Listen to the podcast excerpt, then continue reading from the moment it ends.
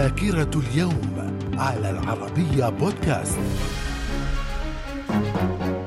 أهلا بكم إلى ذاكرة اليوم السابع من أكتوبر. ففي العام 1918 سقوط مدينة بيروت التي كانت تحت سيطرة العثمانيين في أيدي الحلفاء أثناء الحرب العالمية الأولى. في العام 1919 تأسيس شركة الطيران الملكية الهولندية والتي تعتبر من أقدم شركات الطيران العاملة في العالم. في العام 1950 الجيش الصيني يغزو إقليم التبت ويقضي على الحكم الذاتي والحركة الانفصالية في الإقليم. من الذاكرة. في العام 1951 إقرار الدستور الليبي من قبل الجمعية الوطنية الليبية بمدينة بنغازي وإعلان تأسيس المملكة الليبية المتحدة تحت تاج الملك محمد إدريس السنوسي. في العام 1990 الشيخ مكتوم بن راشد آل مكتوم يتولى الحكم في إمارة دبي خلفا لوالده الشيخ راشد بن سعيد آل مكتوم.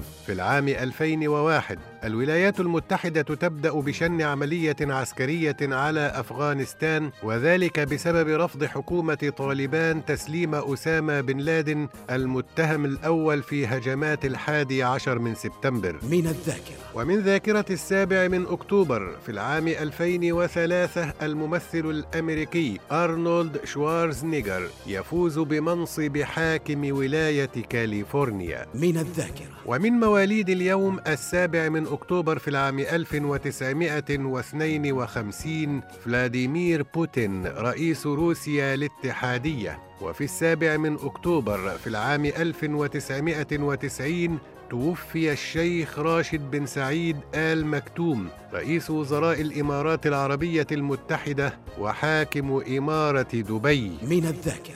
إلى اللقاء.